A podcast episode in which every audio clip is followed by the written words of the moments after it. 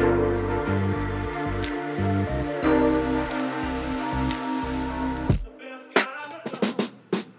27 Eylül çarşamba sabahından herkese günaydın. Sevgili dinleyenler, mikrofonda ben İpek. Sizlere hafta ortasından sesleniyorum. Umarım güzel bir sabah geçiriyorsunuzdur.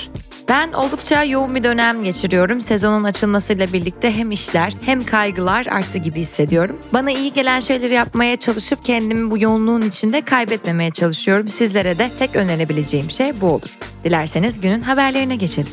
Bugünün bülteni iş sanatla birlikte ulaşıyor. İş sanatının koordinasyonunda hazırlanan, küratörlüğünü 19. ve 20. yüzyıl Türkiye iktisadi ve sosyal tarihi, kurum ve girişimcilik tarihi ile ilişkin çalışmaları ile bilinen doktor öğretim üyesi Murat Koral Türk'ün üstlendiği Yaşasın Cumhuriyet Atatürk döneminde iktisadi bağımsızlığın ilk adımları sergisine davetlisiniz. Ayrıntılar bültende. Ekonomi Resmi gazetede yayımlanan değişiklikle bireysel emeklilik sisteminde kısmi ödeme esasları belirlendi. Buna göre katılımcılar sistemden çıkmadan konut alımı, evlenme, eğitim, doğal afet gibi durumlarda birikimlerinin %50'ye kadar olan kısmını toplu olarak alabilecek. Cumhurbaşkanı Erdoğan, enflasyonla mücadelede yoğun bir takvim izlendiğini ifade ederek, üretimi ve yatırımı teşvik ederek enflasyonla mücadelemize güç aktaracağız. Vatandaşımızı enflasyona ezdirmemek için attığımız adımlar devam edecek açıklamasında bulundu.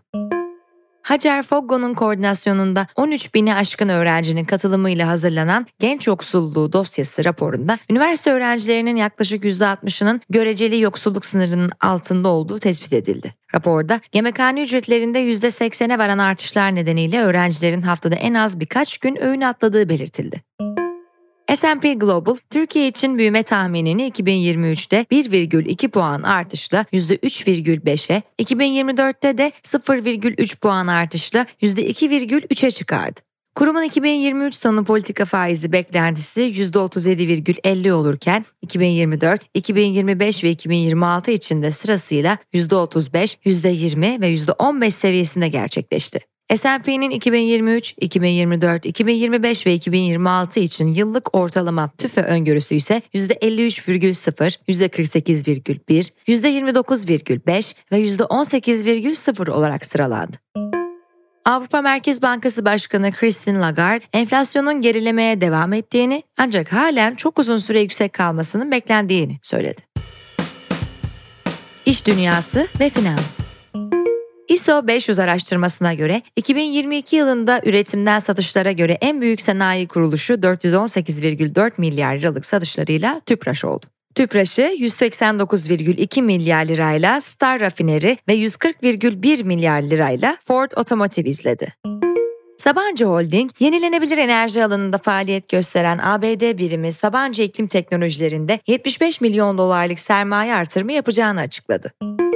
Danone, Lüleburgaz üretim yerleşkesine yaptığı 450 milyon TL'yi aşkın son yatırımla malnütrasyon tedavisinde kullanılan medikal beslenme ürünlerinin yerli üretimine başladı. Nissan, Avrupa kıtasında satışa çıkarılan tüm yeni model araçlarını 2030 yılına kadar tam elektrikli hale getireceğini bildirdi. Nissan CEO'su Uchida Makato konuya dair açıklamasında elektrikli araçların nihai mobilite çözümü olduğunu belirtti. ABD Menkul Kıymetler ve Borsa Komisyonu, Deutsche Bank'ın varlık yönetim şirketi DWS'in çevresel, sosyal ve yönetişim yatırımları ile ilgili yanlış beyanda bulunma ve kara para aklamayı önlemeye yönelik politikalar geliştirememe suçlamaları karşısında 25 milyon dolarlık ceza ödemeyi kabul ettiğini bildirdi. Türkiye'de 2022'den bu yana artış gösteren maliyetlerden dolayı siparişlerini keskin bir şekilde azaltan Zara'nın yaklaşık bir senedir Türkiye siparişlerini üreticilerin depolarında beklettiği öğrenildi. Politika Cumhurbaşkanı Erdoğan, İsrail Başbakanı Benjamin Netanyahu'nun rahatsızlığı nedeniyle ertelenen Türkiye ziyaretinin Ekim-Kasım ayı gibi gerçekleşebileceğini söyledi. Erdoğan, ondan sonra da biz iadeyi ziyaretimizi yapacağız dedi. F-16 açıklaması.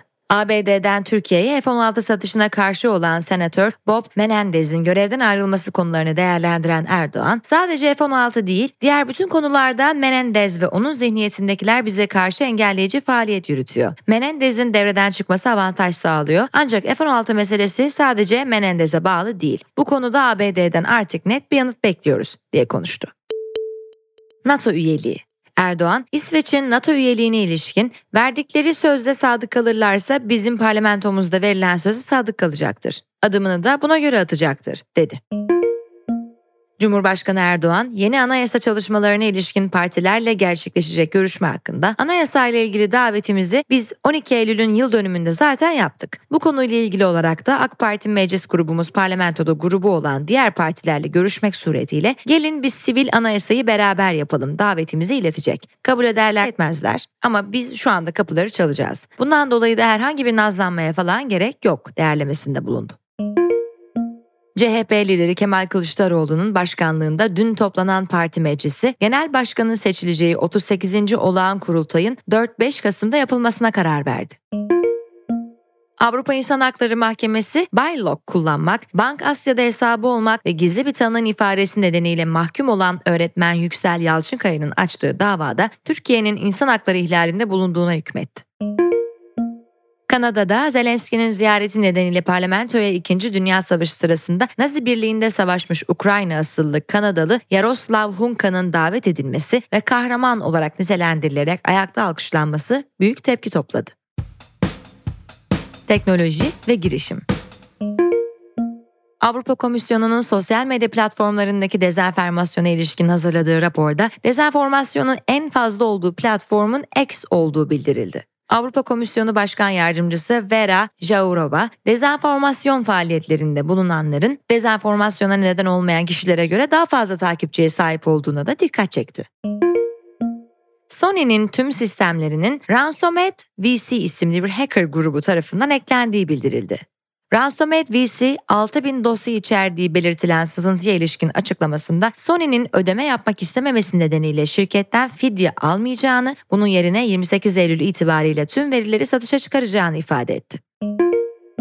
Spotify'ın oluşturduğunuz anlık çalışma listelerini istediğiniz kişilerle aynı anda dinlemenizi mümkün kılan yeni özelliği Jam kullanıma sunuldu.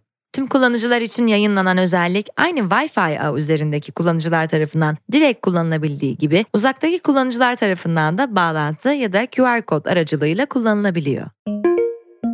Getty Images'in Nvidia ile yaptığı işbirliği kapsamında kullanıcıların yeni görseller oluşturmasını mümkün kılan bir yapay zeka aracı geliştirdiği duyuruldu. Getty Images kütüphanesi üzerinden eğitilen model kullanıcılara tam telif hakkı tazminatı sağlıyor ki bu da aracı kullanan ve oluşturduğu görüntüyü ticari olarak yayınlayan herkesin yasal olarak korunacağı anlamına geliyor. Kısa kısa İbadete açıldığı zamanlarda kapısı yenen Ayasofya'da bir kapının da kırıldığı ortaya çıktı. Ayasofya Camii sorumlu müdürü Tuncay Ramazan kameralarda inceleme yaptıklarını, kapıyı kıranın Atif Kasar olduğunun tespit edildiğini bildirdi. Profesör Doktor Naci Görür, yaptıkları araştırmalarda Marmara fayına bağlı kolların stres biriktirdiğini gözlemlediklerini belirterek kumburgaz ya da adalar fayının kırılmasını bekliyoruz dedi. İstanbul'da minimum 7,2'lik deprem beklendiğini ifade eden Görür, zemini göz önüne almayan inşaatçı hayal kırıklığına uğrayabilir dedi. Paribu ve Beşiktaş Kulübü işbirliği kapsamında geliştirilen Beşiktaş Token dün gerçekleşen basın toplantısıyla satışa sunuldu. 50 liradan satışa çıkarılan 5 milyonu kilitli, 500 bini ise kilitsiz olmak üzere toplam 5 milyon 500 bin BJK token 3 saniye içinde tükendi. Tinder, yeni abonelik modeli Tinder Select'i şimdilik uygulamanın en aktif kullanıcılarının %1'iyle kullanımına sundu. Abonelerine beğendikleri kişilere mesaj atmaları için eşleşme zorunluluğunu ortadan kaldıran Tinder Select aylık 499 dolara mal oluyor. Ulaştırma ve Altyapı Bakanı Abdülkadir Uraloğlu, yüksek hızlı trenlerde 2009'dan bu yana yaklaşık 77,5 milyon yolcu taşındığını belirterek 2023 yılında yüksek hızlı trenlerimizle 12,5 milyon yolcu taşıyarak tarihi bir rekora imza atacağımızı öngörüyoruz, dedi. Günün hikayesi. Karbon nötr gerçek bir taahhüt mü? Bir şirketin kendisini karbon nötr ilan etmesi bir anda iklim sorununun dışında kaldığı anlamına gelir mi? Son yıllarda büyük şirketlerin web sitelerinde sürdürülebilirlik raporları öne çıkıyor fakat bunların içi ne kadar dolu? Her şirketin ait olduğu değer zinciriyle, tedarikçileriyle, müşterileriyle, ortaklarıyla ele alınması gerekiyor. Söz konusu emisyonlar kendilerine ait olmasa da bu senaryodaki risk mülkiyetten değil, bağımlılıktan kaynaklanıyor. Bunu kompanse etmek için bazı şirketler ağaç dikiyor, bazıları ağaçların kesilmemesi için ödeme yapıyor. Bazı şirketler daha da ileri giderek günlük yaşamı karbondan arındıran teknolojilere yatırım yapıyor. Bunların hepsini birbirine bağlayan nokta tüketicilerin genellikle küçük miktarlarda para ödeyerek faaliyetlerinin yarattığı emisyona karşı koydukları iddiası. Hatta karbon kredilerinin kolay satın alınabilirliği ve ekonomikliği iklim değişikliğinin aciliyetiyle uyuşmuyor gibi görünüyor. Çoğu şirkete göstermelik katkılarına ek olarak neredeyse bir kirletme lisansı sağlayan uygulamalar vicdani rahatlatma ve müşteriyi ikna etme ajandasından öteye gidemiyor. Devamı bültende. Evet sevgili dinleyenler, bugünün bülteni İş Sanat'la birlikte ulaştı.